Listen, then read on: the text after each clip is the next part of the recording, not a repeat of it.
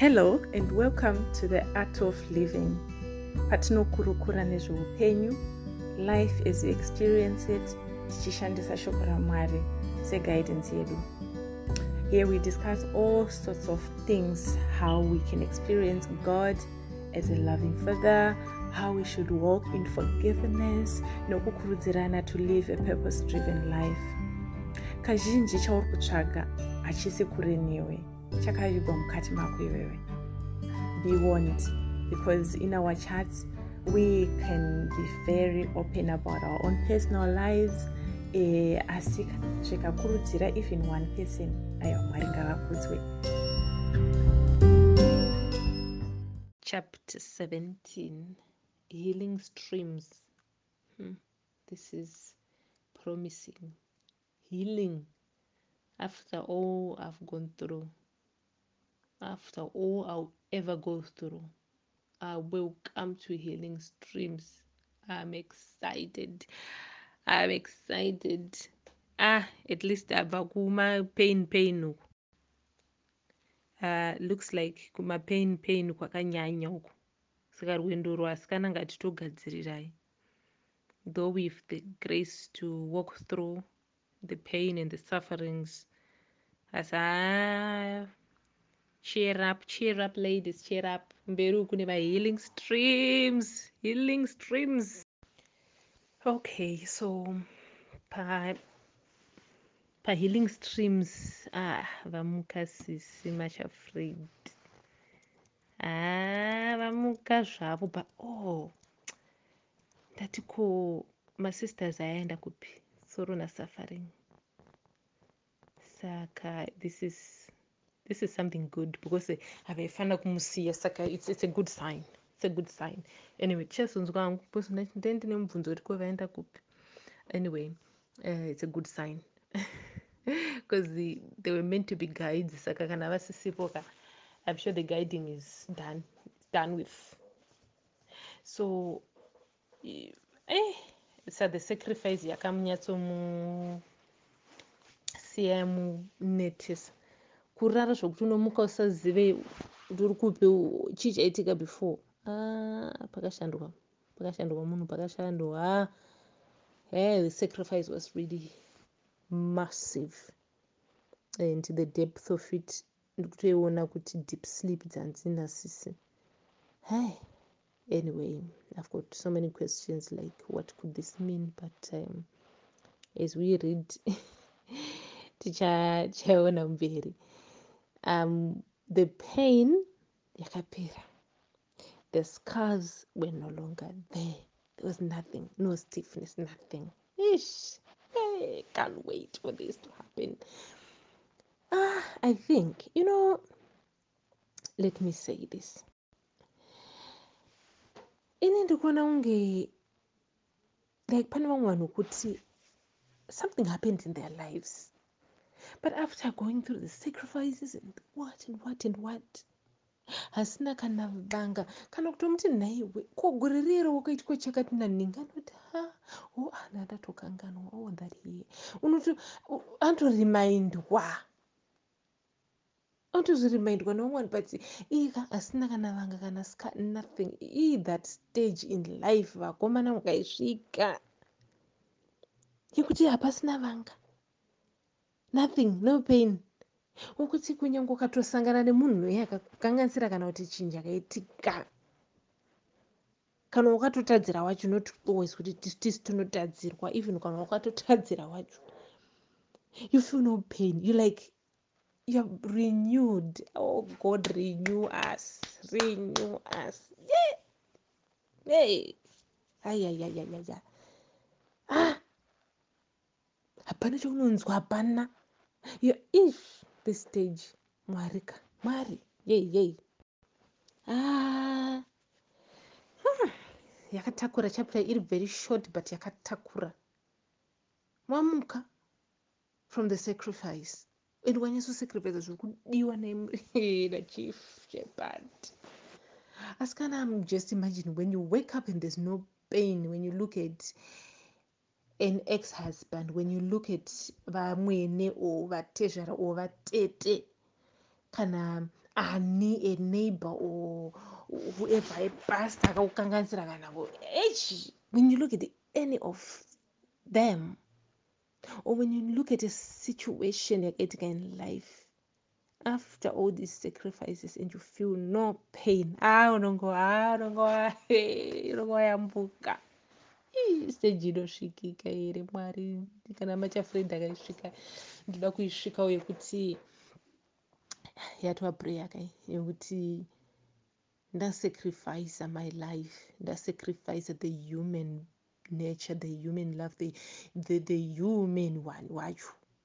Ndasacrifica ndasungwa makumbo nemaoko pandinomuka amwe yamutsvene pandinomuka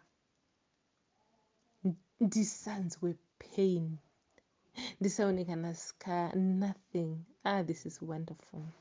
Its wonderful. Ah nyange akazocrossa zvake river and stuff but all this experience of looking at her feet they're straight they're lovely.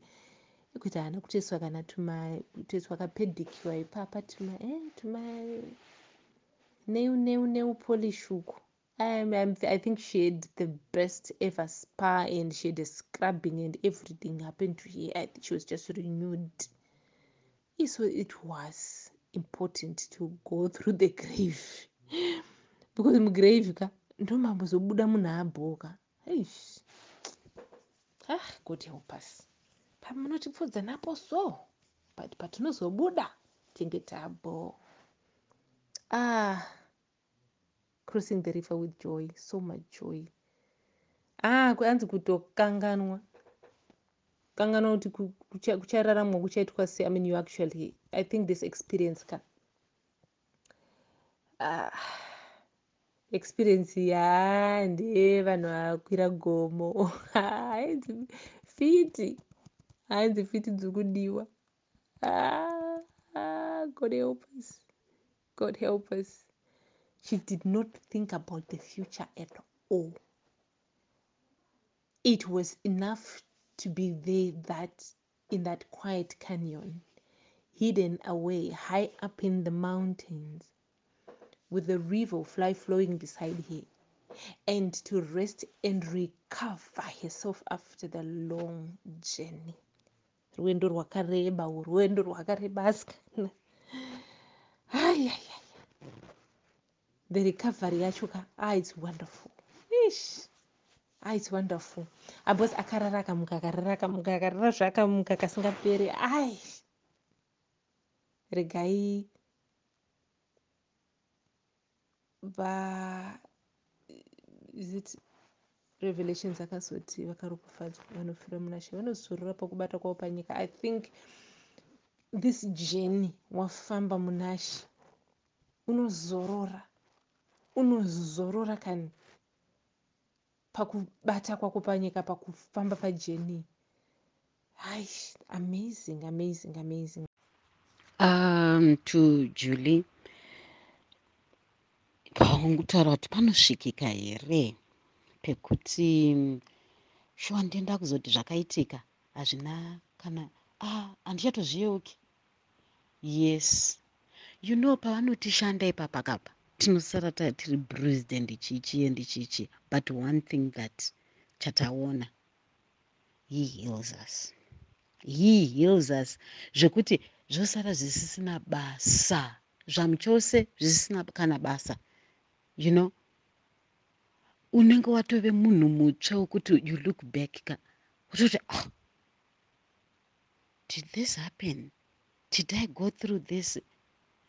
Wakutoshama you know like um uh, i had that experience uh, last was it last month or two months ago when somebody akambondikanganisira zvakaoma came. And ndichitaura naye ka ndichitonzwa tsitsi panyaya yake ende ndikamhanya mhanya kubatsira. Zvezvekuti ndega ndakatarisa ndikati wow this is the hand of the mighty lord upon my life. Inini ndinda kuita izvi. Mwari vandigonesa you know? So panosvikika my dear we just have need to surrender. If it's a grave get in. Deal with whatever needs to be dealt with and come out get into the pools you'll be healed and in no time you'll be surprised. Kuti ee eh, ko ndotokwanisa kudai? Ndotokwanisa kudai? Jehovha vanoshamisa yeah so chapter yemahealing streams ish so refreshing so lovely. Ah hey mwari wedu vakatendeka zveshuwa. Panepo tinongonamata kuti ka we are just blessed kuti tiri kukwanisa our, our generation ka we are blessed in that tinokwanisa ku tine bhaibheri handiti rinoita preempt nekuita foreone of certain things. E, nekupreempta kuti ah but once wadai chakati chinobva chazoitika o chingangoitika o zvinogona kudai o chikasaitika its okay o chikaitika auone kind of thing. Like tiri we are a blessed generation hatisi kufamba blindly as such because there are so many things that we can just use the bible the written word of god ka as a reference kuti ah saka pa pandavapa saka maringe nezvakamboitika kudhara zvinogona kureva chii kana kuti zvaakureva kuti saka mwari paakamboita nezvakati zvakazodini. So i think having read this book as well uchiona kuti much afraid having given her heart yanga yakazara ne you know that human love kuti itakudzurwa nemidzi yacho zvese. Zvakaita sekunge uchiverenga so it sounds very like a gory process very painful very unbearable very what? But isusuka hatisi kuzongo we are so like masha fred is so different from us in that ka she didn't know what was to come after but she was she, so willingly and with all her trust ka surrendered. Kuti you know what? This, in case this she didn't even know how painful the process might be. Akangoti in case ndinozotanga kurwadziwa ndotanga kukikiritsa ndinogona kuzoresista. She didn't even know whether it's gonna be painful. Akangoita willingly and with faith with trust kuti it's gonna be okay if the shepherd if the chief shepherd asks this of me. He is gracious enough to see me through. She was she just surrendered and did it not knowing kuti oh beyond that it's gonna be so beautiful. It's gonna be so refreshing. She totally forgot about how ugly her feet were how crippled she was. Aingoconcentrate on the will of god uza what i just learned from this ka ndechekuti dzimwe nguva tisade kunyanya calculata kuti iya kumana ndifunga zvichandirwadza ini pandichaita process yakati akuzvipira here? To dive to self daily? Ah, it's gonna be painful. We shouldn't be thinking we shouldn't be preoccupied nepain we shouldn't be preoccupied nemaafter effects. But kutarisa kuti our preoccupation ka ndeyekuti zvanzi chii? What has the word said? What is god saying to me now? To me as an individual in the now.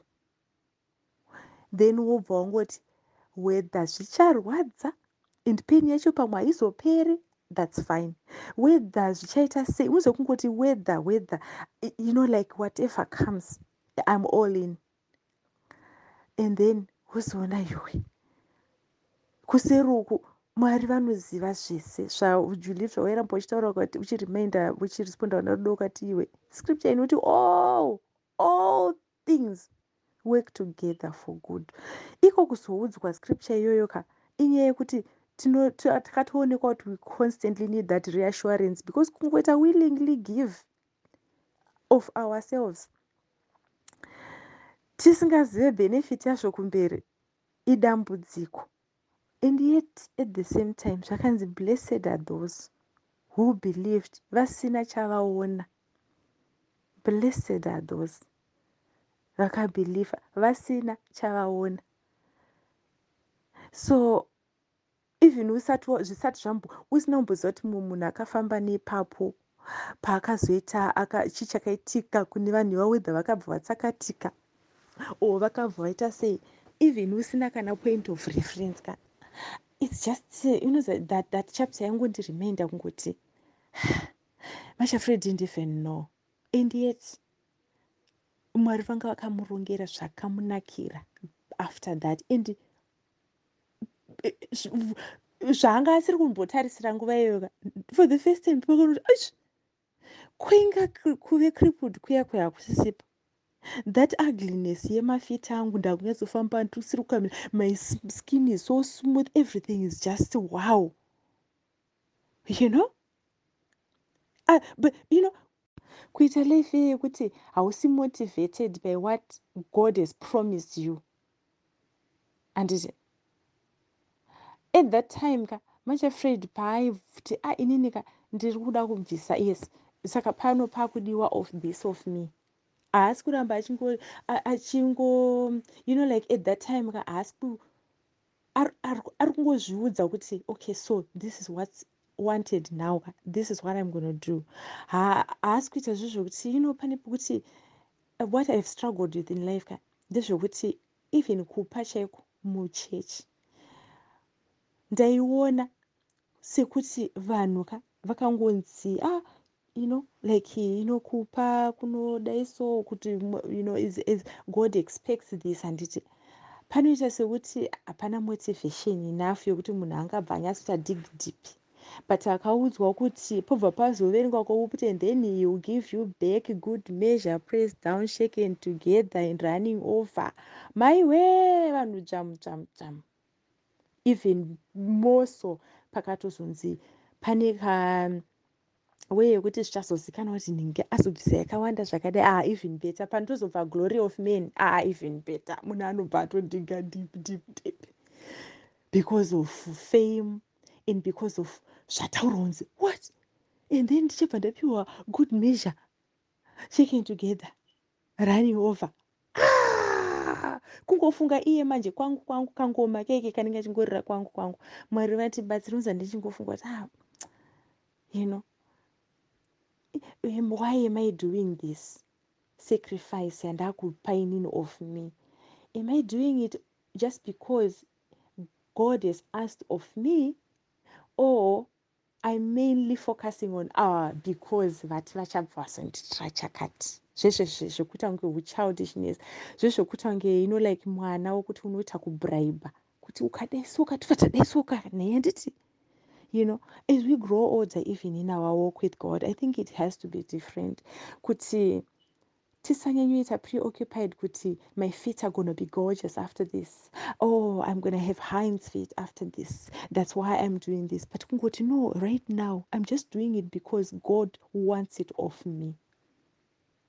Because i want to please him I'm just all in because I'm just wanting to be all in wherever He is, I am. Whatever He says for me to do, I'm going to do. Not because then He will do this for me. Aiwa. iyo yandoramba ichingofunga kuti ha vakakomborera vakomana vaive shadrek mishek naabednico vakati even if he doesn't saka machafred soka after abuda muguva maita sekunge maiwe one is the loneliest place. It's just so there's nothing. Haasombonzwa even the savior anymore. Zviri kuita songa abhandonwa even nesoroni safaring vacho vari kutoti hatisi kutombokubatsira. Aiwa izvozvo ita wega. Ndozvawaudzwa kuti uite. Its like just lonely you know? Even ari imomo. Ai wow. Oh god help us oh i would just love that. Yokungoti chandiri kungoda ndechoti ndozvamati ndiite. So i will do this and still wait on you. Handisi kufunga kuti saka after this maybe the next thing ndofa bcause pese apaingoti saka tikadaisa tovatasvika here kumahigh places. Chese chaitwa tovatasvika here kumahigh places. Ari muguva umu haa izvozvo zveseka. Akangoti no no no me im just doing this chauya chauya just because ndanzi ndiite i'm gonna do this with all my heart because that's what my shepherd wants of me. Haucharamba uchingoti ha saka tikadai sesika ndikapa muno hamazondipawo good measure press down running over. Saka ndikanhingirikina ndobva ndazoitwawo izvi saka mubva mazondiitira izvozvo. Saka ndikaita ichi ndoti mubva mazondidai why ndopai patinoita kuzongoita mapureya ekungoti even praise ye yekungoti i thank you for all that you have done for me. Ko kungoti i just thank you for just you being you. Or for, for things that money can't buy for just uh, loving me. And then i worship you. Kutoti i worship you uh, for for for for what you have done for me for all the things that you have given me. Tiri kuvalimi sure tiri kuva tiri kuvaisa it's, it's okay but surely we can't even number. Kungoti i just worship you.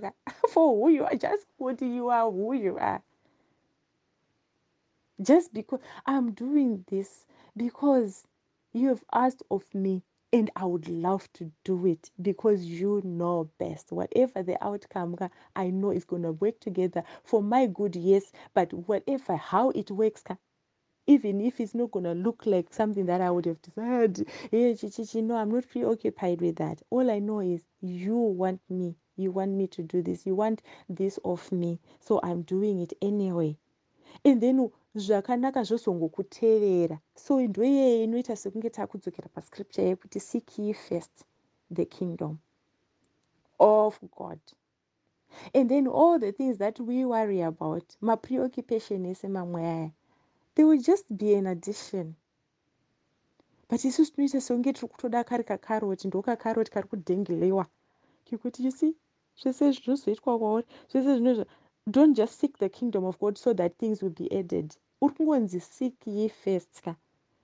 Then zvimwe zvese zvichaederwa but iwe uchiregedza kuti i'm seeking first so that all things will be added unto me there's just that difference i think where i think we ah, personally i always say mwari ndibatsirewo when i come across when i'm reminded nezvinhu izvi it just makes me say oh baba ndibatsirei so that even my worship is not shaped by what you have done for me but it's shaped by my understanding of who you are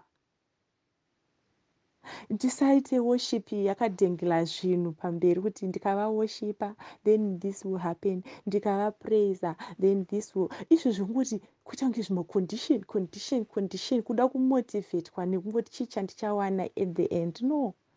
Oh ndafara. I, was so happy reading you know much afraid akutozongoona kuti aizvi ko zvakachinjika rini?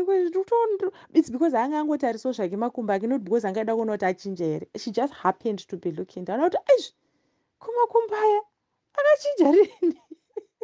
Oh wow. I, i love that. Uza ndiwo mamwe maareas ekuti ka unoendapo wakuziva wakuita flow in some things ka? Apa ustomborealiza zvotozoita someone kukuti iwe kana uchikutozvoti idai ah, i remember ndidei ndakamhina kaini pakati apo but somehow handiti a oh, handichakamhina ini oh, wow because asiri almost tiri kutarisa izvozvo kuti wee ndoda kuzo you know zvembiri chete zvekungoti ndoda kuluka like this zveimage zveself preservation zvechinyi chinyi aiwa. Wotozoona inei azvi kuzvandakutonyatsotaura zvakanaka nei? Kundandambozviona ai naimi hii kundakuto inga ndakutofungawo zvakanaka neimi zvisina makondisheni mukati. Hii ii nai? Ha kuchakati ii nei ha ino izvozvo newo unenge wokutoitawo kando ngesurprise kwete kuita kuvhurira ziso kuti vakapromisa chakati vakapromisa chakati. Mapromises of god shouldn't be our motivators but our motivators should be kuti tive so so willinga kungoita obey and just see kuti chii chavari kuda chii chavari kuda this time. What does he want of me? What can i do to please him? Back to the purpose driven life. Iri driven nepurpose not nemagoals aya ekuti mapersonal goals ekuti zvichanakira inini. Aiwa but god's purpose to be driving us.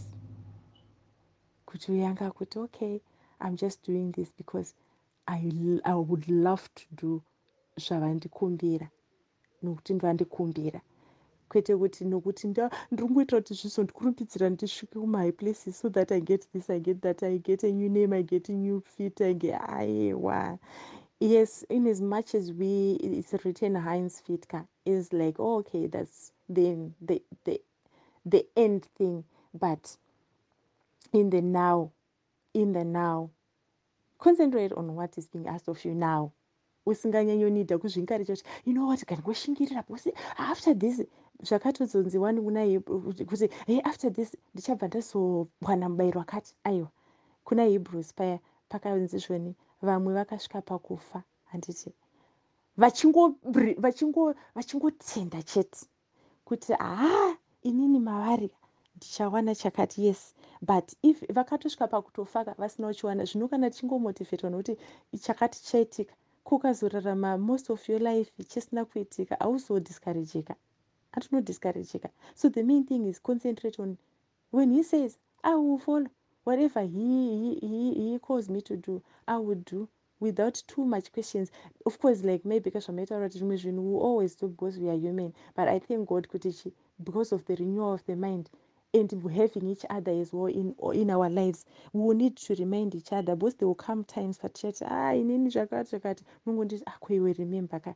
Kuti chi zvakati zvezve you know. Kungotongorimindana kuti the chief shepherd vari kudei vakati chii what's happening now? Just tungorimindana so that we are we just stay in our lanes you know the right way. Anyway mm. oh i enjoyed my healing streams. Loved them loved them loved them you know. Oh so so refreshing. Unotobva watofira tichingonamata kuti vedue panosvika mahealing nguva yemahealing streams let's not rush ourselves. Let's not feel guilt just totally relax enjoy you know that moment. It's well deserved thank you lily even for the whole chapter. Kuti kunyangwe ndikasachiona chivimbiso chakanzi kana ndadai ndichaitirwa chakati isave driving force yedu. But tingoita nokuti mwari vakataura kudaro iyo yemachurity yepamusoro soro iyoyo ndazvitsura ndaona pese pandaiti ndikati mwari shoko renyu makati. And not kuti we should not expect zvakavimbiswa but wazopa example yana daniel kuti sorry yana shadrack right? Shadrack meshek and abednico kuti ivo vakati ndichange ndinemi ndisanamate vamwe vamwari. But in this case kunyange vakasatirwira hatisi kuzonamata chidhori ichi. So meaning kuti even mapromises ese avakatipa kuti nini ndinogona kuva achapa agopa ugoshaya nokupawo back asi ungoti no inini am doing my part. So i think nyaya iripo ndeyekuti isusu let's concentrate on our part. Mwari ka because ndimwari vanoziva when heis going to fulfill his promises. Do you know maybe mapromises avo be fulfilled pavana vedu or vazukuru vedu or for our neighbor or to somebody else? Nokuti isusu tisi taita i think at the end of the day is have i done my part?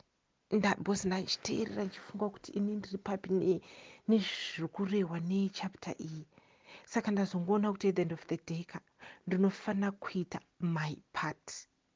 Mwari zvakwavari nokuti vachazviita nenguva yavo vachapindura nenguva yavo which i don't know. Saka what i should worry about what i should concentrate on is doing my part kana kuri kupa ndofanira kupa i do my part. Kana kuri kunamata ndonamatira munhu i do my part. Kana kuri kuregerera munhu ndoregerera i do my part. Thank you. Ndava nekakunzwisisa ipapapa thank you so much. Um pane something changuyo mupfungwa dzangu dzandafunga kuti i can just share with everybody. Nyaya yema renewing of mind and um, new wine skins i know kuti you know we're looking at it and we're okay with it we're accepting it and chichi and uh, we're excited but we should also know kuti manure in skins aya kai ari kuitika kuvanhu vese generally kune a shift in the atmosphere that is happening and it, it needs renewing of the mind and uh, accepting new normals which are really really new wineskins but unogona kuve comfortable with one thing and i'm not comfortable with one thing. And i've seen kuti you know when you do this zvine trauma yazvo so guys uh, let's be careful especially with the people that we deal with our uh, families our spouses our workmates our whatevers friends and things like that and other relatives extended family. A lot is happening. Let's uh, proceed with caution. Whenever we are relating let's proceed with caution. A lot is happening momuno panguva dzatiri dzino manew normal atiri kutora. Atiri kufara tichiti manew wineskin iwaya ane trauma. And zvichienderana kuti chii chacho chiri kufanira chinzi chinyowani people are struggling. People are feeling traumatized. They've, like um, they're feeling like their security yaripwa off and vakamira pamhene you know. So please let's just be aware of that and proceed with caution marelationships edu. Thank you very much for that because you are right. It's so easy to be caught up in all of this and not realize kuti eh, mukuchinjwa kwezvinhu ka. Pane kukwachirwa ikoko there will be wounds and everything and we'll try our best as well kuti tisaimpose machanges atiri kuaccepta isusu for our lives anditi for our mentality and everything. Nemamindset edu we should not impose them onto others. Kungovanamatira ngotiwo in good time they will also get to want or to desire to change as well.